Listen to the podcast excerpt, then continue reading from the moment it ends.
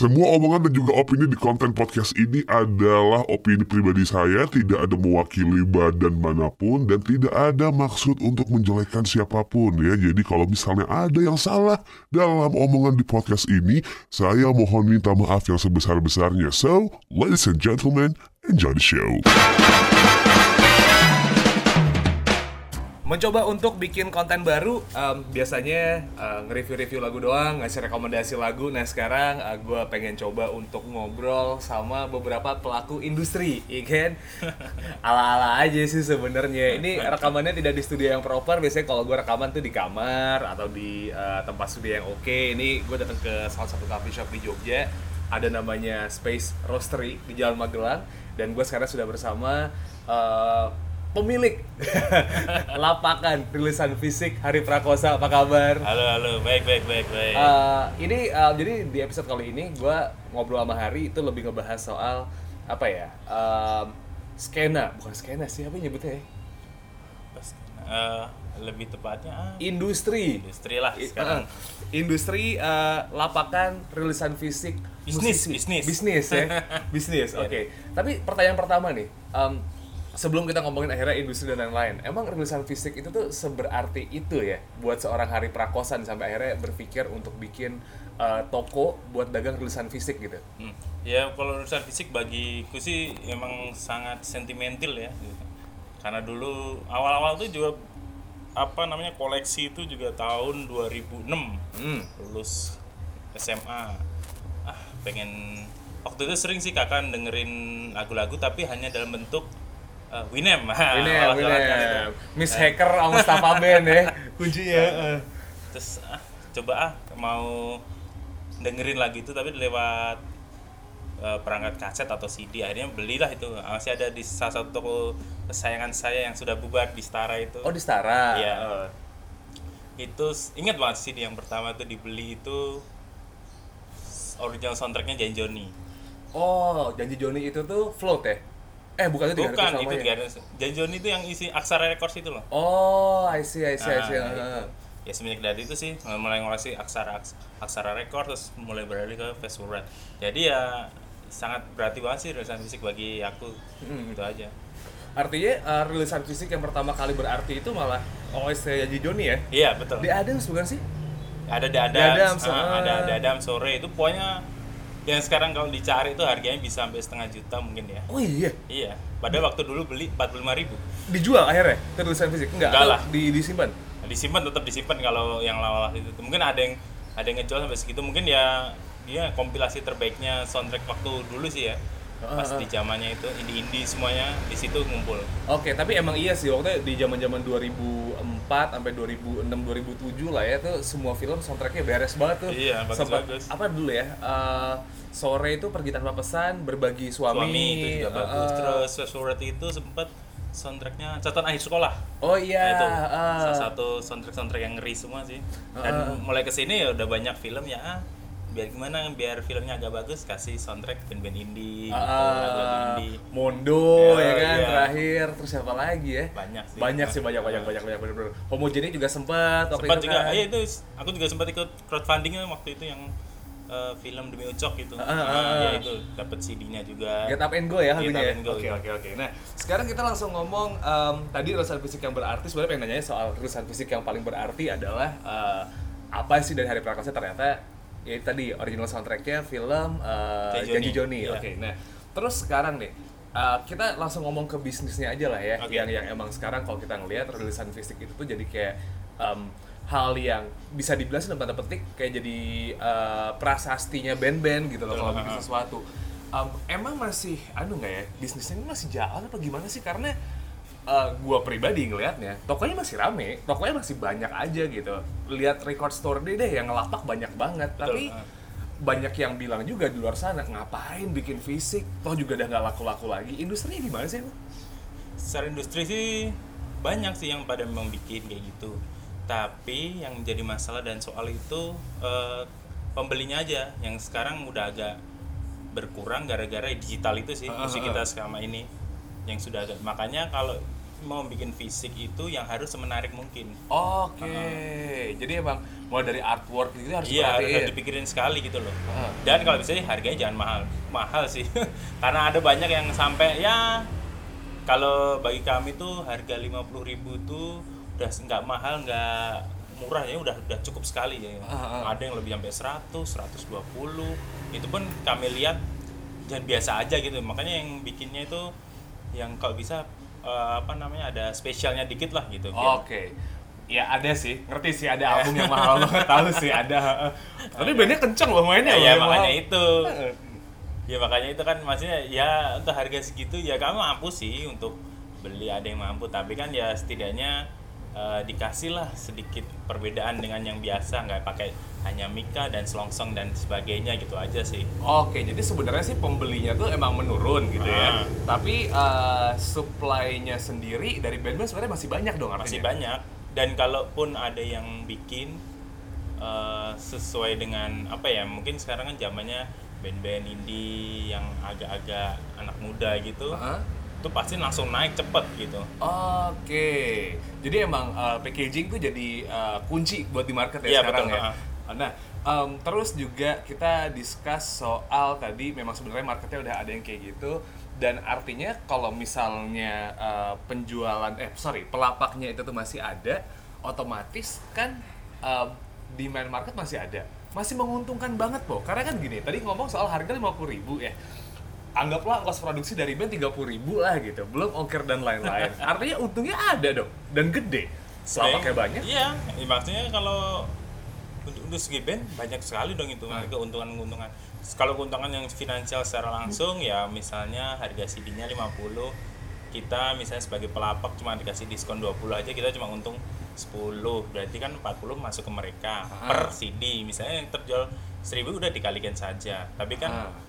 dengan gitu mereka bisa juga seperti promosi dan itu ada mungkin yang beli dengerin di mobil semobil yang tahu cuma satu orang yang pas di waktu itu bawa mobil teman-teman ini siapa ini yang main? Oh band ini. Ah. beli di mana? Beli di Rislan Fisik. Oh ya Oh, iya. beli beli beli. Oh pas nanti ada mungkin di satu mau mobil itu ada yang pengen buat pensi mau nggak mau kan harus ngundang. Wah kayaknya bagus nih yang belum ada yang ngundang band tersebut ngundang dari Jakarta dari Bandung Ah. untuk ke sini jadi itu kan ya kayak promosi untuk mereka juga gitu loh Ah, ah, Rilisan ah. fisiknya itu Oke, jadi memang sebenarnya rilisan fisik itu adalah kepanjangan tangan dari digital yang sekarang ya, Ya, buat ah. eh, orang yang fakir kuota misalnya di mobil ah udahlah kuotanya tipis pakai CD aja gitu Ya. kan. Kalau emang nggak mau effort, YouTube convert langsung bikin apa namanya mixtape sendiri. Mixtape It- MP3. it- itu orang anjing sih orang bikin teknologi itu. Nah artinya emang keuntungan sebenarnya ada uh, meskipun nggak banyak. Iya. Terus uh, pelapak juga banyak. Ini dialami oleh semua pelapak nggak? Karena um, kemarin sempat ngelihat ada tweetnya orang gitu sebenarnya uh, banyak pelapak yang tidak beres sih, ya kan? Kayak misalnya tidak memberikan report atau apa. Atau memang sebenarnya sisi pelapaknya sendiri ini tuh basically banyak, tapi yang termainkan malah dikit sebenarnya. Nah ya itu dia makanya kita juga harus menghapus stigma-stigma kayak gitu makanya kita sendiri kalau report atau laporan tuh tiap bulan pasti kita laporan Mas, Mbak, manajer yang ter kami tercinta Heeh. maaf hari ini apa bulan ini belum ada yang laku ya mudah-mudahan bulan depan kita uh, transparan gitu Ah. terus misalnya ada yang laku maaf ya baru dari 10 cuma laku satu langsung kita store berapapun itu jumlahnya. Bisa ada. Maaf ini eh, udah soal semua. Ah. bisa minta di restock nggak gitu? Heeh. tapi juga ada beberapa eh, pelapak-pelapak gitu yang emang nggak ngurusin apa laporan-laporan gitu yang sebenarnya sebenarnya penting itu buat kesinambungan kita kehidupan kita gitu loh makanya kita juga harusnya udah dikasih dititipin ini juga harus ngasih report gitu kan. Ah, kayaknya oh oh di Jogja rusan fisik udah laku segini oh ya udah berarti ini paling kenceng yuk kita mungkin bandnya yuk kita main ke sana ke Jogja buat eh, apa namanya ningkatin penjualan kita gitu Heeh. jadi jadinya ya itu aja sih kembali lagi ke personalnya masing-masing gitu Heeh. lapak-lapaknya itu ya udah dititipin ya harus kasih laporan lah gitu aja minimal gitu aja ngabarin lah minimal gitu Ah, ah. meskipun tidak dalam laporan yang bentuknya eh, Microsoft Excel file Iya, gitu enggak. kan paling nggak ngomong Saya aja. yang penting apa namanya eh, apa ya cuma setoran biasa aja ya kayak ini ya apa Chat WhatsApp biasa gitu. chat WhatsApp biasa Ah. dan laporan ini daftar apa transaksi Oh, banking oke. gitu aja ha. Apa namanya? Jadi bukti-bukti transfer itu langsung dikasih ke Iya, mereka ya. Oh. Oke, oke, oke. Simpel, simpel artinya. Nah, terus kita berbicara soal sekarang nih, em, mungkin lebih ke penasaran cara kerjanya toko belasan fisik ini Ah. sendiri ya. Karena kan kalau kita ngelihat di em, Jogja itu tuh sebenarnya hanya beberapa gitu yang punya offline store kayak misalnya kalau case di Jakarta sih mungkin masih bisa dapetin di Lawless, di Bandung itu juga di Omnium masih ada. Iya. Jogja itu Bow Sound masih Bow ada. Sound. Bow Sound doang ya yang punya offline. Journey, ya? Journey. Oh iya di Journey Cafe and Journey sama Records. Luas. Di Luas, Iya, bener. Em, habis itu apa lagi ya? Popeye udah tutup kalau di Jogja. Popeye tutup Em, apa lagi? Ya banyak lah pokoknya yang Banyak. udah udah udah. pengerat eh, sih terakhir pengerat ah, Ada. juga udah tutup. Nah, kita pengen lihat sebenarnya cara kerjanya ini apa namanya si toko rilisan fisik ini sendiri gitu. Em, emang awalnya itu tuh kalau emang kita mulai dari awal benar dari nol ya. Maksudnya em, lo mulainya dari em, memang minta ke orang-orang, eh gue buka toko kaset kirimin ke gue dong atau atau malah sebenarnya koleksi pribadi yang dijualin dulu. nah ini ada kejadian menarik sih waktu itu ada salah satu toko di ya daerah apa Pelengkong Gading lah Mhm. yang sudah bubar ternyata tulisannya banyak Ah. masih tersisa banyak banget yang Pelakon gading itu pengerat ya artinya. ba- bukan Oh, ah, ini bukan. Boleh sebut ini Sebutnya nggak apa Eh, sebut, Fox, sebut. Fox. Oh di Fox. Ah, ah. Fox itu nah itu masih banyak kita mikir gimana ya caranya ngeluarin barangnya dari situ yang sangat banyak ya udah kita akhirnya patungan segini segini segini dah udah kumpul langsung ke tokonya kita ngabisin semua barang nah beroda dari itu inget banget tuh 13 Mei tahun 2015 2015. Oke.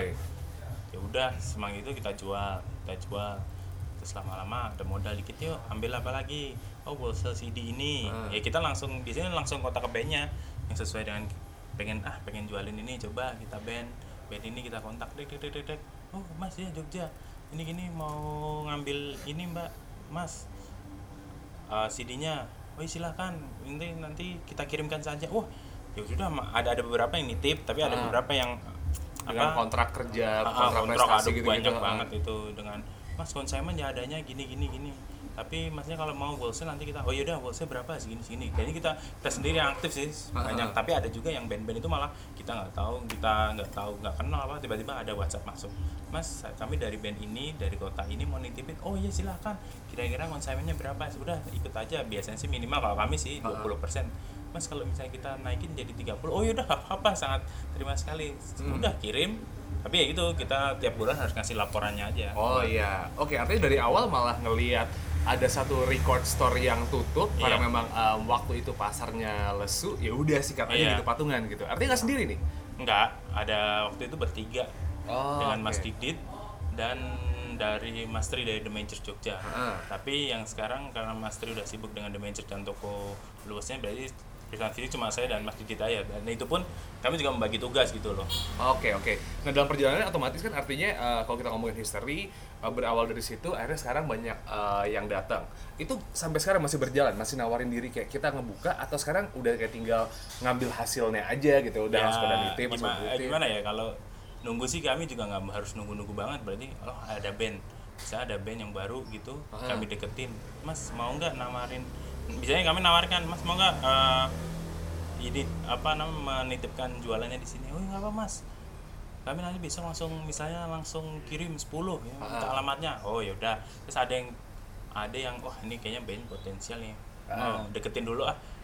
Mas mau wholesale? Pertama sih biasanya oh wholesale. Oh yaudah silahkan. Sini sini sini. Tapi nanti lama-lama mereka juga mas udah nggak usah wholesale lagi karena masnya sering sering beli maksudnya sering beli partai besar kami titipin aja tapi ada juga yang oke. ada yang tetap aja harus beli beli beli tapi enak sih kita komunikasinya ada Ah. satu band yang udah bubar dari Jawa Barat sana Siapa sih? Sebut aja. karena bandnya udah bubar, karena bandnya udah bubar, nggak itu, itu Bandanera Ah, ah, ah. itu yes sampai sekarang ini namanya Sorry Records itu sampai sekarang masih kami tetap tetap apa ya berkomunikasi baik Ah. kalau Bandanera itu jualan paling aku keras pada waktu bubar itu pada waktu bubar malah makin kenceng ya Iya. artinya kalau emang rilisan mau bubar itu tuh bener-bener apa sorry rilisan mau laku itu tuh ada dua cara satu band bubar dua personil ada yang meninggal Ya, kayak itu. Linkin Park kan kasusnya dulu begitu Iya, kan iya, iya, banyak. personilnya bubar langsung pada nyari waktu itu tuh jadi emang sempat punya jadi kalau emang mau cerita juga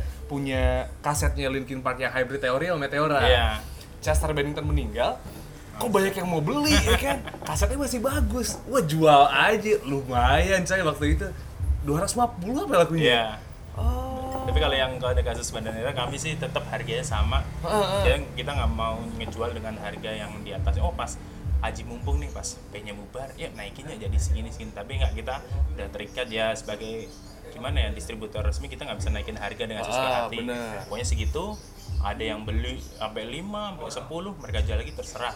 Yang penting kita jual dengan harga yang resmi gitu aja sih. Oke, tapi ada nggak nih? Nih, nih anu nih, em, mungkin gosip-gosip pelapak, ya ada nggak nih eh, pelapak-pelapak yang em, mungkin sering nakal gitu kan, mainin-mainin harga gitu. Nggak usah di Jogja deh, nasional aja gitu. Kalau di Jogja kan ya ada banyak sih salah satu ya mungkin yang toko masih ada di Jogja tuh toko record store yang di Jogja itu biasanya dia naikin harga kisaran 5000 sampai 10 ya mungkin karena dia punya toko dan harga sewa tokonya mahal kan. Ya, kalau itu wajar lah ya, Ah, hitung-hitungan oke. bisnis lah, Tapi ada teman juga yang pelapak-pelapak juga yang sering naikin harga dari harga resmi. Ya kalau mereka hitungannya kalau sebenarnya kayak wholesale gitu beli partai besar beli putus itu terserah mau jual harga Iya, berapapun. benar, benar. tapi kan ya apa ya secara secara kaidah gitu kan ya kita harus menghargai juga kan harganya mereka ditetapkan segini ya udah kita ngikut aja gitu. Jadi Jadi- banyak sih yang naikin harga juga. Ya kalau sesuai dengan gimana ya kelangkaan bendanya itu mungkin ya naik harga. Kami juga punya sih ada harga-harga yang dinaikin tapi nggak banyak-banyak sekali gitu loh seperti pelaku-pelaku yang lain. Rare items misalnya nih kayak rilisan fisik pertama ini udah nggak ada di pasaran. Ayo Iya, iya. kalau mau dibeli ya kan Eh, sorry ya ini buat eh, mungkin yang ngedarin Linkin Park ya. Eh, saya nakal. Lumayan coy hybrid teori sama meteora waktu itu ya kan? pertama ya. Oh oh zaman-zaman masih paper cut gitu. Wah, iya, itu paling bagus. dan kasetnya masih oke banget. Terus Chester meninggal ngelihat kok banyak yang dagangnya mahal ya kan di eBay. Ah lumayan duitnya. jualnya laku. Eh, laku bener nah terus em, tadi kita udah ngomongin soal ternyata eh, memang harus ada laporan dari band-band kayak gitu eh, kita harus apa namanya em, apa namanya eh, ngasih tahu ke mereka dulu Hmm. kalau misalnya emang kita mm, uh, mau ngajakin partnership sama Iya, mereka betul banget. buat dagang gitu. Nah, uh, pengalaman aja nih uh, Pade. Jadi hari prakosanya dipanggilnya Pade ya kalau di Jogja ya. Uh, jadi kalau udah ngomong Pade siapa? Pade lulusan fisik. Oh, orang udah ngerti Hari. gitu. Pade hari Hari itu. Pade, uh, itu udah pada paham banget gitu. Nah, um, respon dari band-bandnya sendiri nih, apakah memang mereka semua welcome? Karena kan kadang-kadang gini, ada yang karena ini posisinya di, posisinya di Jogja kan ya, Hmm. uh, ada yang menganggap kayak oh ya udah Jogja salah satu kota yang uh, apa namanya daya belinya banyak dan kota kreatif gitu jadi kita kasih bantuan aja apa kita partnership aja atau malah ada band uh, ada manajemen band atau mungkin label gitu yang siapa lu gitu. Ah. lau sokap kan sering gitu ya banyak ya itu ada dua ini mas saya respect sama band-band yang bukan dari kota besar yang mereka rela nitipin rilisannya mempercayakan kepada kami. Hah? bayar pun laku nggak laku mereka berani nanggur nah, nanggung ongkir yang harganya mungkin kalau dari kota-kota kecil kita ke Jogja juga nggak begitu eh, murah gitu ya ongkirnya mahal-mahal gitu.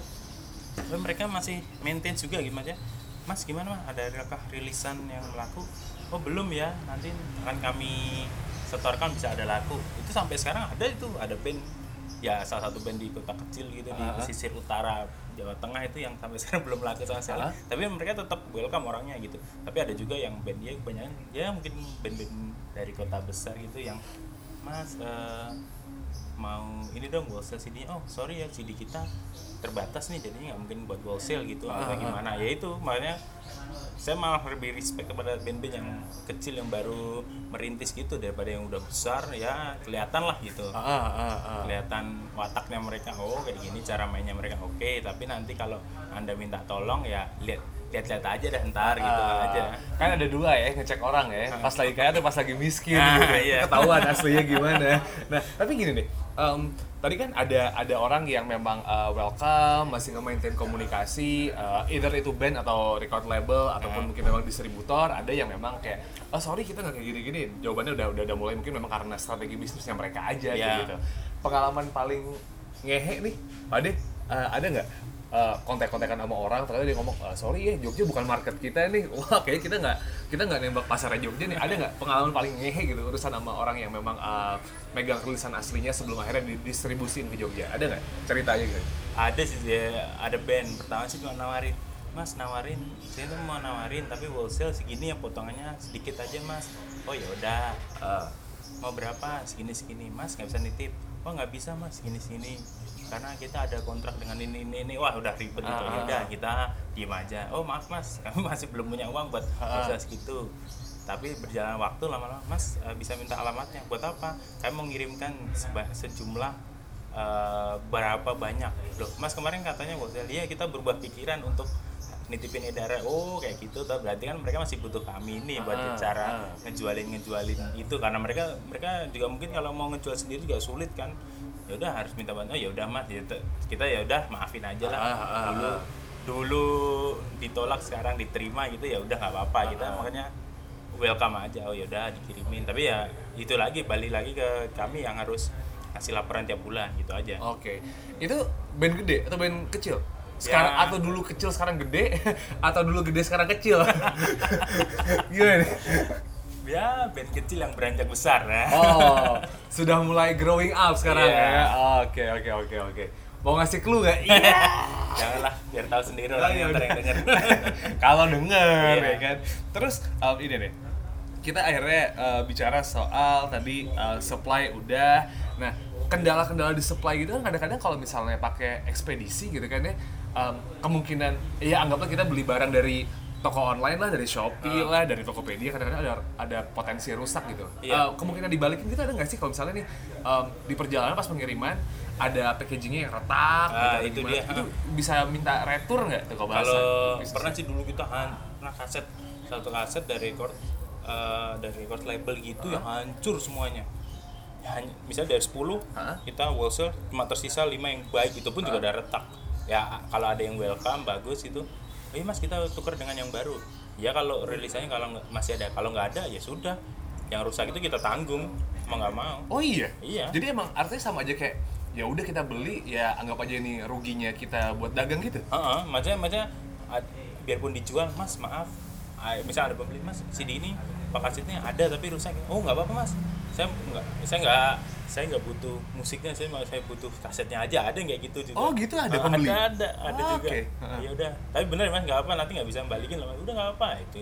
Ya, tapi kita sih kalau udah bisa notice sama mereka, Mas, Mbak, tolong dikasih bubble wrap ya kalau yang untuk eh, sekarang kan yang apa jewel case itu yang Mika Ah, ah, ah. Ah, biar kami juga nggak rugi misalnya dari 10 misalnya wholesale 10 ada beberapa yang rusak kita juga yang nanggung kan. Ya. Hmm, kayak kemarin sih ada kasus kaset sih waktu itu. Kami nerima udah rusak maksudnya cuma apa bentak tuh loh bos.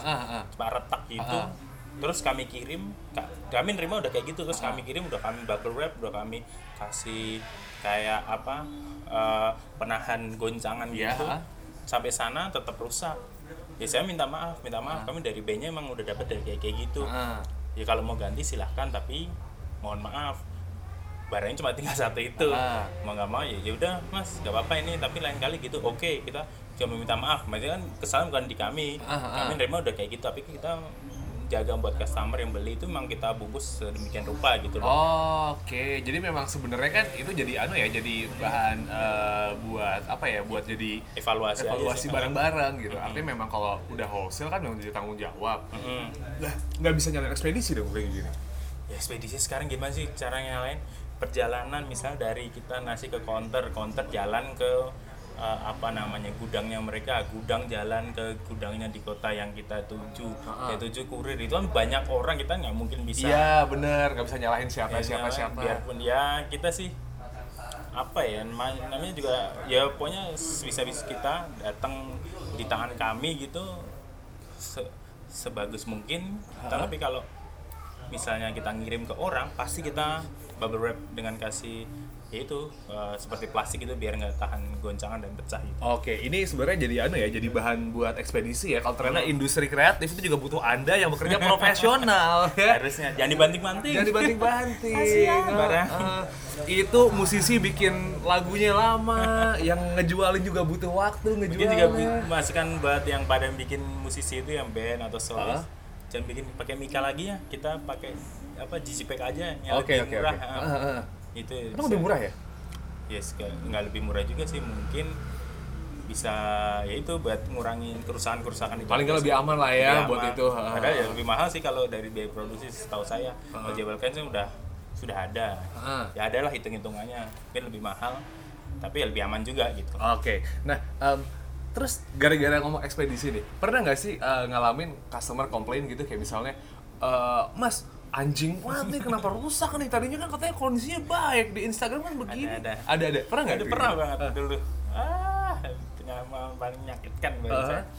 Jadi itu barang itu tahun 2016. Oke, dia beli CD-nya siapa waktu itu atau kasetnya siapa? Kasetnya dari eh duo Ari Reda. Oh Ari Reda, oke Hmm. oke. Yang di mana itu foto kami foto tahun 2016. Ah. Dengan berjalannya waktu ya mungkin ada beberapa yang mungkin kalau pas kita melapak ada yang tergencet atau gimana rusak Heeh.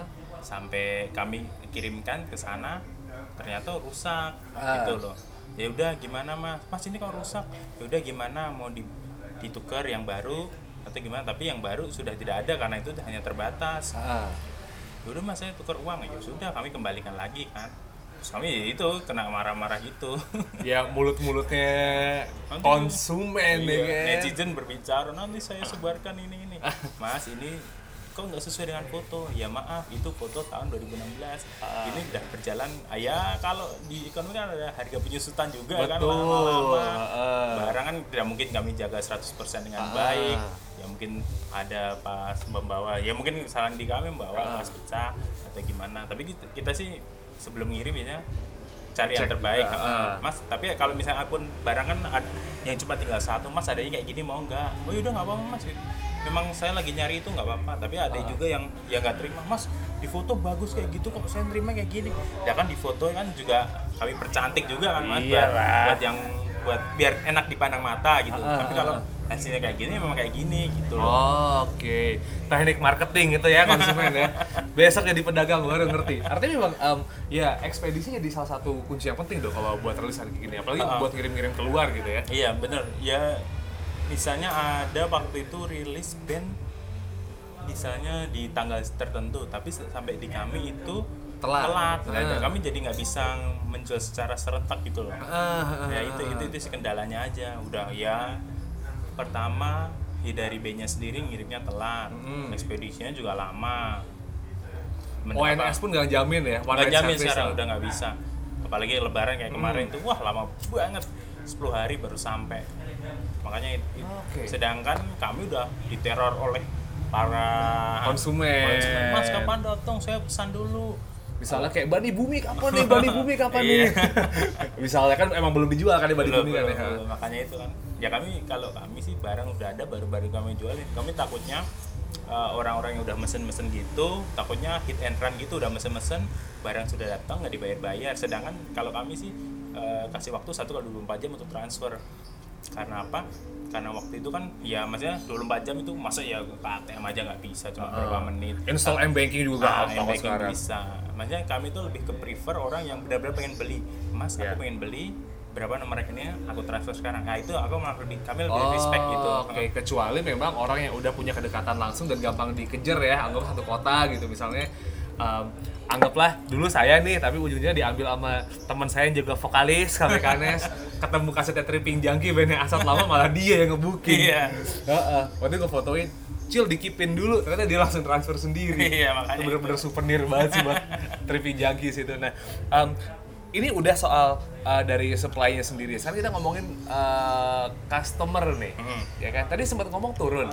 Itu emang anjlok banget turunnya dari tahun ke tahun. Atau sebenarnya em, nggak anjlok-anjlok banget sih, cuman emang uh, stabil aja segitu-gitu aja sekarang. eh, buat kan tak lihat di beberapa beberapa tahun ini mungkin dulu kan eh, paling booming tuh RSJ 2015 Ya. Paling inget itu semua rilisan banyak banget Bentara budaya waktu itu ya. Ah, banyak banget orang. Mungkin udah mulai beberapa orang ah yuk beli beli. Coba rilisan rilisan rilisan. Beli. Udah mereka nggak tahu buat apa dijual harga mahal. Terus ada pelapak yang itu baru-baru gitu ya hanya menjual beberapa rilisan. Terus beberapa tahun kemudian mulai turun yang ada ya ada beberapa record label yang tutup. Itu uh, pembelinya udah mulai turun-turun. Tapi kita masih ingat ada beberapa pembeli itu yang memang loyal sekali gitu Heeh. itu yang kita apa jalin komunikasinya kita keep orang-orang ini untuk selalu datang pas acara-acara RSD maupun CSD gitu. Ah, ah, ah, ah. Untuk secara penurunan sih nggak signifikan sekali sih. Mungkin sudah mulai apa ya kayak seleksi alam sih. Ya. Iya, dulu kan banyak banget terus sekarang mulai oh yang ini orangnya yang ini ini ini ini.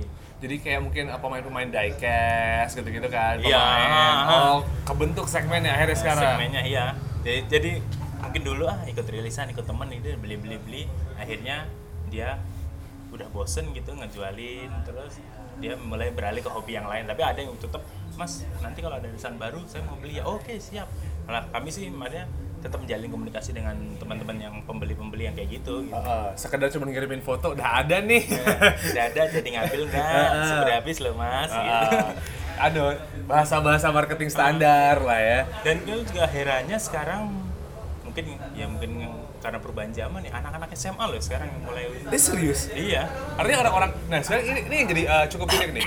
Kan uh, pembeli kaset, penikmat kaset itu tuh kayaknya mentok lahir di lahir di tahun 96 lah, ya kan? 96 97. Iya. Mungkin karena kan memang waktu mereka uh, umur 7 tahun, 8 tahun mungkin masih ngalamin di mobil pakai tape, Iya, tape ya deck, kan? iya. Ah, tape deck. Seperti saya. Uh, pakai Walkman Walkman ke mana-mana. Karena Discman dulu harganya mahal banget Iya, dan mahal. CD harganya nggak nggak apa namanya nggak affordable buat anak-anak zaman segitu.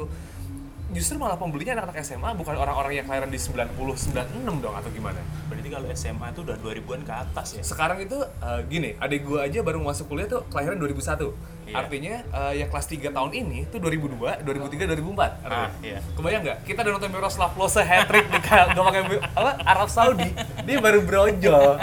2002 beletnya Kan anjing. Korea Jepang ya makanya itu Eh, makanya anak kamu sekolah di mana? Eh kamu kuliah? Enggak mas.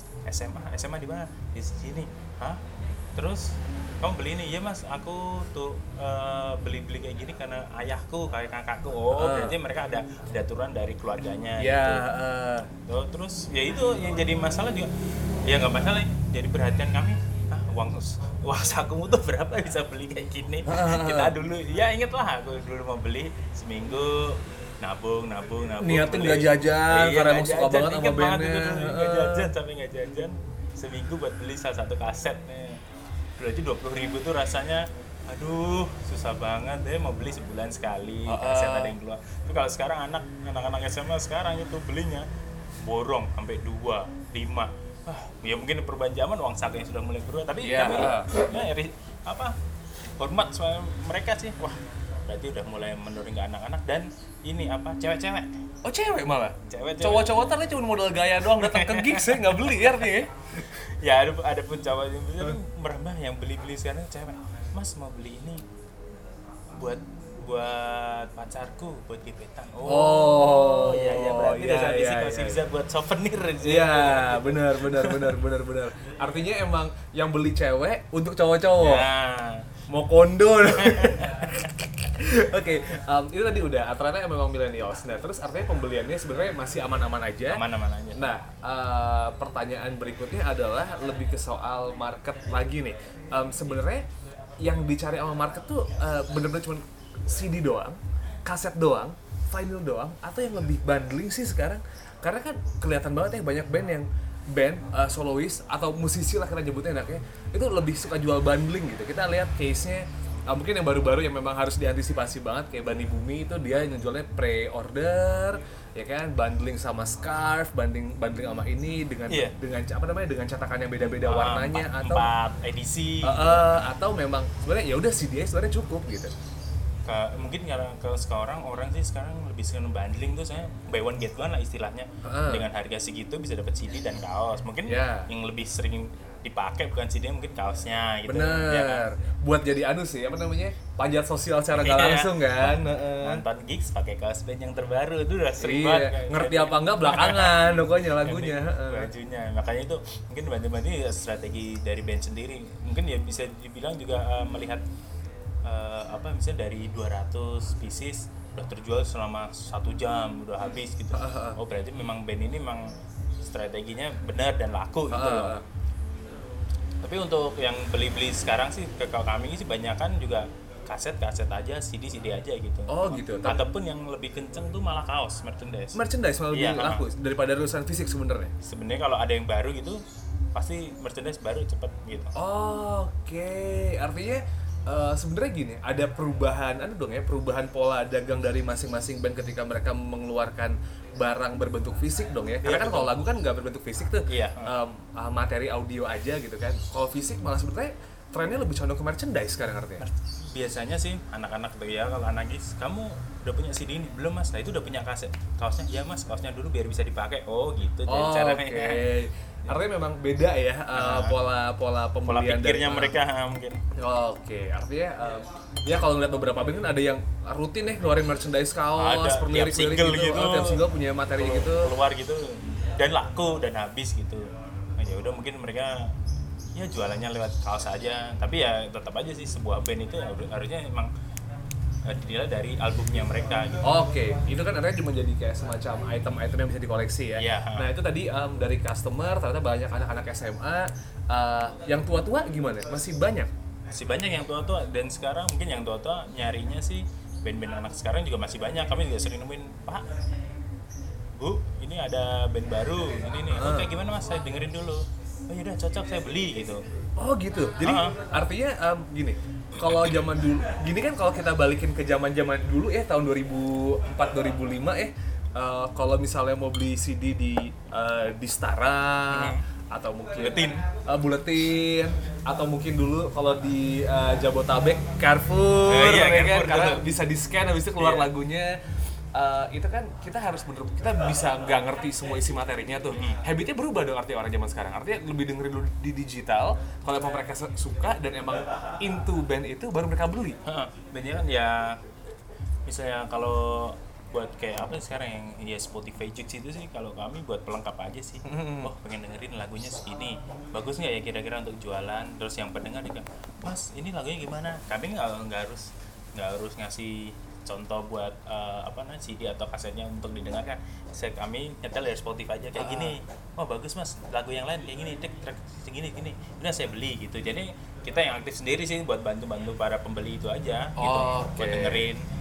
Ya tapi itu segmentednya juga udah mulai melebar dan meluas. Sebenarnya nggak harus anak muda yang ya anak kuliahan tapi sampai orang tua yang sudah mungkin band-band sekarang udah nggak band-band sekarang udah nggak sebagus dulu kan mungkin Ya, mereka udah uh. mulai beralih ke indie gitu Oke. Jadi memang sebenarnya penjualannya masih aman, ya kan? Distribusi sebenarnya eh, banyak musisi yang masih eh, mau diajak kerja sama. Ha. Nah pertanyaannya adalah, ini kan pelapak banyak nih Iya. di Jogja apalagi ya kan? Untungnya seberapa sih? Pade maksudnya gini. em, mungkin ini pertanyaannya jadi agak, agak agak dikit personal ya. Gue mengenal Pade memang lebih fokus di bisnis ini nih Iya. gitu. Dan bertahan men sampai sekarang gitu. Emang bisa buat hidup ya dengan rilisan fisik ya? Karena eh, gini gue gue pernah eh, bekerja sama dengan salah satu em, grup musik yang lagi viral sekarang. Gue nggak mau nyebut nama grup musik pokoknya yang lagi viral aja Em, penjualan digital dan YouTube tuh lebih lebih seksi ketimbang fisik ya kan? Habis itu ada yang memang lebih fokus ke ya udah kita bikin rilisan eh, diterima pasar off air gitu. Em, artinya kan banyak yang udah berpikir ngapain bikin fisik sih? Ini mah cuma jadi kayak prasasti doang. Nah bandnya aja mikir kayak gitu. Nah lu lu nih sebagai yang dagang nih ada masih bisa bikin hidup apa enggak sih? Ya buat hidup ya bisa di bisa bisaan dipas-pasin lah. Dipas-pasin? Atau sebenarnya ngepas atau dipas-pasin ya pokoknya kita survive aja. Ya mungkin kalau hanya menjual ini juga nggak mungkin bisa menutupi tapi kita juga nggak bisa pungkiri ini salah satu apa usaha yang bisa long last juga. Kalau ada pun ya kalau misalnya mereka juga pada bikin sih banyak band-band tersebut atau solo, solo solois tersebut bikin. Nah intinya sih kami cuma pengen ini aja sih bukan nyari untung atau apa. Kami ingin bantu-bantu mereka jadi jembatan antara musisi-musisi dan para pendengar itu untuk mendapatkan rilisannya mereka gitu Ya, karena kan nggak semua pendengar juga yang punya willingness buat ngefollow musisi yang dia Ya. suka, ya kan? Gue aja pelit sih ngefollow musisi sih. Tuh honest ya. ya gitu cuma ini aja bantuin sih mereka mas ada beberapa mas nggak coba eh, apa namanya ngontak band ini oh iya coba saya coba kenapa mas saya pengen banget beli tapi harus ke Jakarta belinya dan itu ongkirnya mahal. Oh iya Ah, jangan ah, ah. ya makanya kita cuma sebagai jembatan aja bridge gitu buat antara band musisi dengan para pembeli pendengar gitu. Dan dan itu kembalinya ke kami juga gitu loh. Mungkin ada nanti. Ya sekarang kalau misalnya di fisik itu nggak seperti RF ini nggak cuma jualan tapi juga kita membantu share. Mungkin ada ada single.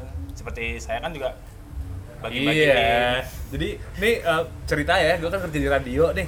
Eh, pokoknya udah kalau udah ada rilisan fisik kirim email, wah ini ada musisi baru nih ngeluarin materi nih ya kan. Iya. Gitu. ya kita gitu bantu-bantu aja mas bisa bayi pertama dulu sih ada kayak ini acil ini dari radio bisa butuh lagu ini kenapa aku yang deng apa yang udah deket sama bandnya itu nggak bantuin mas bisa minta single yang terbaru dan press release nya untuk saya sebarkan juga dan mereka welcome banget ternyata mereka tuh gimana ya kayak masih memandang radio itu Penting. penting nggak nggak penting-penting banget jadinya mereka malas nyebarin gitu loh Oh, Padahal itu untuk mendengarkan kepada highlight ramai paling cepat kan makanya ah coba Iya. bantuin aja deh. Nah, mas sekarang setiap hampir tiap hari mah dikirimin minimal satu. oh, oke. Iya. Lu dibayar nggak sih buat itu? ya kalau dibayar sih enggak enggak. Ya hitungannya cuma bantuin tapi Oh, oke. nanti ada yang juga ya kita bikin yang kalau eh, ada yang berbayar itu maksudnya ada spesial kontennya gitu. Oh, karena kan zaman sekarang ya yang link yang gratis itu hanya link bokep coy.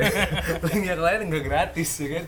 Channel-channel media kayak gitu-gitu. Iya. Karena banyak uh, teman-teman yang uh, dulu pu- yang punya band sekarang sih kadang-kadang nanya "Oh, kalau mau ke radio ini gimana cara ngontaknya ya, cara ngontaknya dan lu ngebantu itu for free gitu artinya. for free untuk ya untuk eh, sebagai perkenalan kita aja sih. Tapi kalau ntar kalau ada mas ini ada lagi mas. Ya ya sisihkan sedikit uang ya mas ya. Oh, Oke, atau misalnya ngebantuin turnya juga ya itu gitu-gitu. tur tur yang paling ini sih kami tur juga. Kemarin juga lagi habis bikin. Terus habis itu ada lagi. Ya apa kesinambungannya itu ada gitu. Mas kemarin habis bikin ini mas bisa bikinin kita tur nggak ini? Ya oke. Untuk radio visit kami bisa untuk ke beberapa panggung juga bisa yaudah nanti kontak-kontakan lagi oh ya udah berarti emang ada apa ya timbal baliknya sih Jadi emang sebenarnya kerjasama nggak cuman kayak mereka naruh CD ketika emang misalnya eh, artinya gini eh, pelapak itu tuh juga harus punya willingness ke musisinya langsung untuk bisa membuat hubungan jadi lebih panjang dan akhirnya eh, bisnis tuh ini nggak cuman dagang doang buat CD-nya ini nih, Iya, tapi ha. bisa buat yang lain-lain nyabang. Nah, gitu. bisa bisa jadi ya ya ya seperti kemarin kita habis bikin 100 kaset Iksan Scooter yang habis dalam sehari itu Hah? juga dari gara-gara ini ngobrol-ngobrolan mau nggak bi- bikinin kasetnya ini padahal itu belum ada CD-nya Oh iya. Heeh. kaset Lumin itu da- dari Iksan Scooter itu belum ada CD-nya dan itu album itu album terakhirnya Mas Iksan itu hanya kami yang bikin gitu Oh, oke. 100 pieces dan itu habis sudah Dalam sehari. iya Makan dong artinya. Pantes handphone baru ya. ya nggak sehari-hari banget lah ya ya bisa dibilang sehari cuma cepet banget itu Nggak, nggak nyampe dua hari lah pokoknya iya ha? cepet banget itu pengiriman RF yang paling banyak gitu Oke. Jadi sehari iya waktu itu sampai ke bolak-balik ke salah satu counter JNE hmm? sampai tiga kali Hmm. Serem ya. Artinya memang tergantung eh, bisa nembak market dan strategi dari band ya. Iya. Kalau toko mah tinggal membantu mendistribusikan gitu. Ya kita juga lihat band-bandnya juga kalau memang bagus kita bakalan bantu gitu Oke. Nah, eh, tadi kan pasti bakalan bantu. Ada nggak sih band yang eh, nih kita coba bongkar-bongkar deh, ya kan?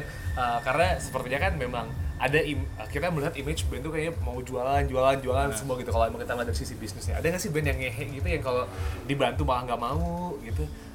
Eh, tadi kan udah cerita satu tuh ada yang eh, pada saat itu sekarang lagi OTW besar ya kan? Em, suka suka ribet. Ada nggak sih band yang lebih ngehe gitu dari kayak gitu? Ada sih. Hmm. jadi band yang sekarang ya udah besar banget gitu. Jadinya dia jual tulisan kalau istilahnya pengen sugih dewe pengen Hmm. kaya sendiri. Semua dijual sendiri nggak pernah di- dititipin ke kami.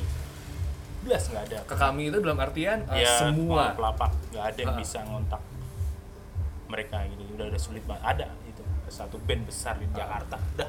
Itu udah. Ya udah ya kalau mereka pengen jual sendiri silakan Ah. tapi ingat nanti kalau minta bantuan kami untuk di kota kan kita di Jogja misalnya main anda kehabisan stok kam- atau apa nggak bisa menghubungi kami gitu untuk uh, jualan merchandise anda gitu. Ah, jadi ya maksudnya kita dari sisi pelapaknya ya udahlah gitu kan gitu-gitu. mereka pengen jual sendiri ya udah. Tapi kalau tapi kalau anda nanti mungkin dalam mungkin album kedua album berikutnya anda kesusahan kontak kami ya maaf kata. Ah, kalau ya kami ya kalian tetap bisa membantu tapi ingat aja yang dulu. Yang dulu, oke. track record anda yang dulu. Eh, intinya apa namanya? Eh, kita sih maafin, tapi kita nggak lupa. Kayak gitu. sakit itu masih ada Nah terus band-band yang eh, itu kan tadi kan yang soal eh, mereka ninggi dari awal tuh, yang lu- apa namanya skip sama kontrak ada nggak? Misalnya gini nih kontraknya awalnya pembagian apa namanya konsinyasinya 20% tiba-tiba ganti gitu Nah, tiba-tiba. itu sih udah sering sangat sering terjadi. Di awal 25 misalnya ya bukan aja. Di awal berapa 30 persen. Oke nyetok segini. Hmm. oke kami dan karena kalau kami uh, sendiri kami juga nggak mampu kan kami ngontak-ngontak dengan teman-teman pelapak yang di daerah. Kami eh, ini ada baru. Eh. mau nggak? Ya udah mas barang 5 berapa mas? 20 10 oke total 50 sampai udah final mas saya pesan 50 maaf mas yang kemarin kami revisi ya hanya 20% saja. Loh kok kayak gitu? Ya udahlah oke. Udah mas ini. Oke dikirim. Terus? Habis dikirim revisi lagi. revisi lagi. Mas maaf ongkirnya belum. Loh mas kemarin saya kira tuh free ongkir atau gimana makanya kalau apa-apa dari depan. Ya mas ini sekarang kami jadinya gimana? Ya kalau kami bayar ongkir nggak apa-apa. Tapi kan untuk nagihin orang-orang tersebut juga sulit kan ke kota-kota lain. Masa tujuh setengah delapan ribu harus ditransfer nggak mungkin. Bener, bener. Artinya memang eh, banyak ya kalau perkara paperwork gitu banyak yang skip dong ya. ya banyak sekali nih gitu ya makanya kalau ngomongnya di awal A ya selamanya A kan kalau A B A B itu kan juga pusing juga kita Oh, oke. Jadi memang ada yang uh, tipikalnya tinggi, ada yang support, ada yang tadinya A, jadinya A minus, jadinya B, ya kan? Nah, em, ada nggak nih yang cerewet minta tiap cerewetnya lebih gini, uh, lebih nge-push ya gue nggak mau tahu gimana caranya harus kejual. Ada nggak gitu? Ada ada ada ada band itu. Eh, band tersebut tuh ya berasal dari kota sendiri Jogja tapi Ah. malah laku di luar. Dan eh, labelnya tuh label dari ibu kota. Ah. Mereka nge-push "Ah, udah ada udah ada penjualan nggak bulan ini?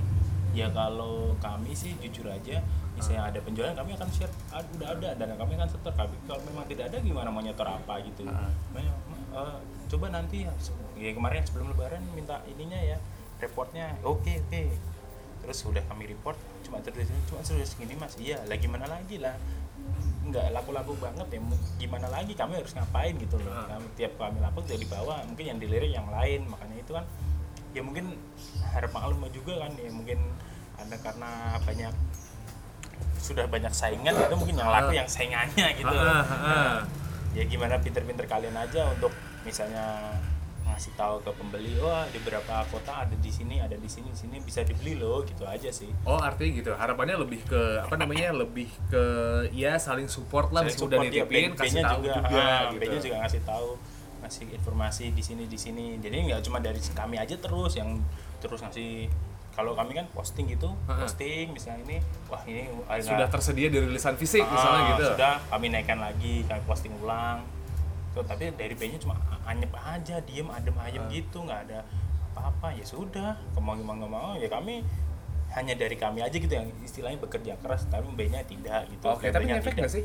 Maksudnya misal gini, um, rilisan fisik udah nge-post nih di social media gitu Hmm. ya. Uh, CD, anggaplah kita nyebut band yang uh, dari luar negeri aja lah. CD Incubus terbaru sudah ada. Ah, Takut sensitif kalau nyebut band, lu- band, band dalam ya kan.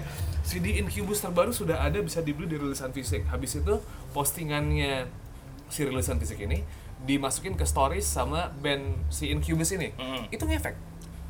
ada beberapa yang efek, ada yang juga enggak. Oh, tapi beberapa sih bisa berakibat juga jadi gimana ya? hmm, Jadi kayak paling nggak visit ke profilnya rilisan fisik Ah, atau gimana bisa, gitu. ya hitung hitung nambah follower kami lah Hmm. jadi bisa bisa bisa nambah terus yang lucunya lagi itu ada beberapa yang CD itu malah nggak dikasih tahu sama apa musisi sama bandnya Hah? laku dan sold out itu Maksudnya? jadinya malah laku dari kami sendiri gitu Oh. tanpa oke. bandnya ngasih tahu gitu Oh, jadi emang eh, apa namanya? Kalian itu ngambil si dari si band tersebut, Ah. musisi tersebut, Hah? em, musisinya nggak support, tapi ternyata laku. iya ha. Oh, oke. Band gede nih pasti nih.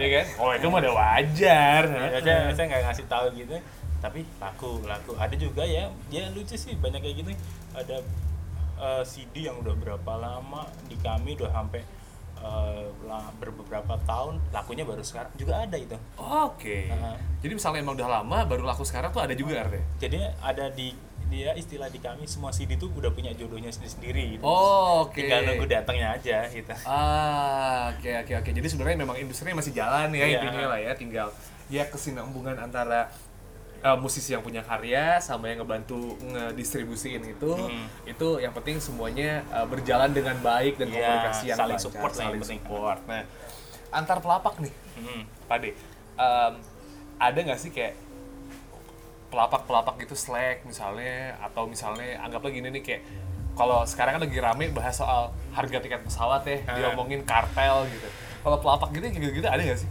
kalau gitu sih kita tergantung orangnya sih oh dia jualnya mahal. Ya sudah itu wilayahnya mereka. Tapi ka- kalau kami sih ada beberapa teman di beberapa kota eh, gandeng teman-teman yang malah eh, dia membutuhkan kayak oh, barang kamu kok sedikit sedangkan aku banyak. Aku titipin ke kamu ya. Tapi untung buat kamu aja nggak apa-apa gitu. Oh yang penting lepas barang. Ah, barang ada. Enggak, misalnya ya banyak banyak banyak kasus tuh banyak yang ke kami semua ke perusahaan fisik semua Heeh. sebanyak berapa CD. Toh kami juga ngapain sih ngambil banyak banyak untung nyimpennya aja udah sulit bendanya segitu. Mending kami bagi-bagi. Ya itu kan bagi-bagi rezeki. Mas tak nitip ke tempatmu ya. Mas aku nanti kirim ke Semarang aku kirim ke Solo ke Klaten ini tolong dijualin. Terus berapa mas? Apa konsumennya? Potongan. Udah samain aja. Keuntungan buat kamu. Yang penting setoran nanti full. Aku setor ke label ke bandnya ke musisinya segini gitu. Oh jadi memang sebenarnya ada saling berkesinambungan gitu Iya. buat ngebantuin teman-teman yang emang dagang di kota-kota yang lain. Iya betul. Dan dan dan, dan dibantu juga kalau misalnya kita misalnya ada sih sekarang band-band itu atau musisi itu udah mas minimal kalau mau wholesale 20 pieces. Waduh 20 pieces. 5 aja dah mahal. Heeh, benar ya benar gimana caranya siasatnya kita ada nggak mau nih? Ada kuota 20 masnya berani berapa? Dua anda tiga yang dari Semarang lima.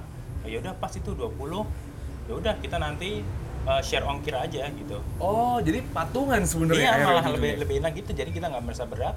Yang lain juga dapat eh, apa namanya keuntungan yang sama gitu. Oh, Oke, jadi dia sebenarnya eh, tidak ada terlalu yang em, apa ya kayak persaingan yang ketat. enggak malah kita gitu-gitu. malah kita saling support sih Mbak. mas ini aku dititipin banyak.